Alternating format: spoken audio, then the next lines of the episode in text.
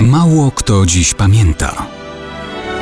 Datownik historyczny prezentuje Maciej Korkuć.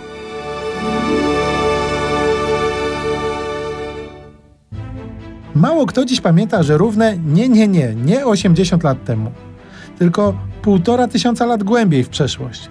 W roku 439 germańscy Wandalowie założyli swoje państwo w północnej Afryce, tam gdzie dzisiaj mamy Tunezję. Mogli to zrobić po zdobyciu i splądrowaniu Kartaginy. Wandalowie wylewali się z zimnej Skandynawii w poszukiwaniu bardziej przyjaznych miejsc do życia. Przez długi czas, bo przez ponad pół tysiąca lat, od III wieku przed Chrystusem, zamieszkiwali w Europie Środkowej, m.in. w południowych rejonach dzisiejszej Polski. Kiedy najazd Hunów z głębi Azji przyczynił się do rozerwania granic Imperium Rzymskiego w początkach V wieku naszej ery, Wandalowie przeszli Ren i dotarli do Hiszpanii.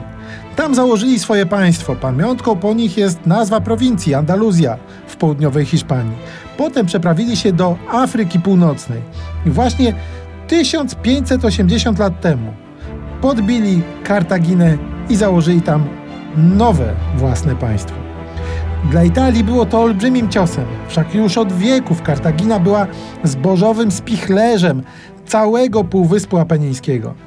Wandalowie opanowali wyspy, łupili statki, a jak było trzeba, to w połowie V wieku najechali także i złupili doszczętnie również sam Rzym.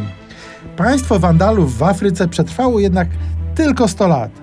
Cesarz Wschodu Justynian, jednocząc także ziemię Zachodu, wysłał na nich swoją armię pod dowództwem Belizariusza w VI wieku. I dokładnie 13 września 533 roku wojska bizantyjskie rozgromiły Wandalów pod Ad Decimum.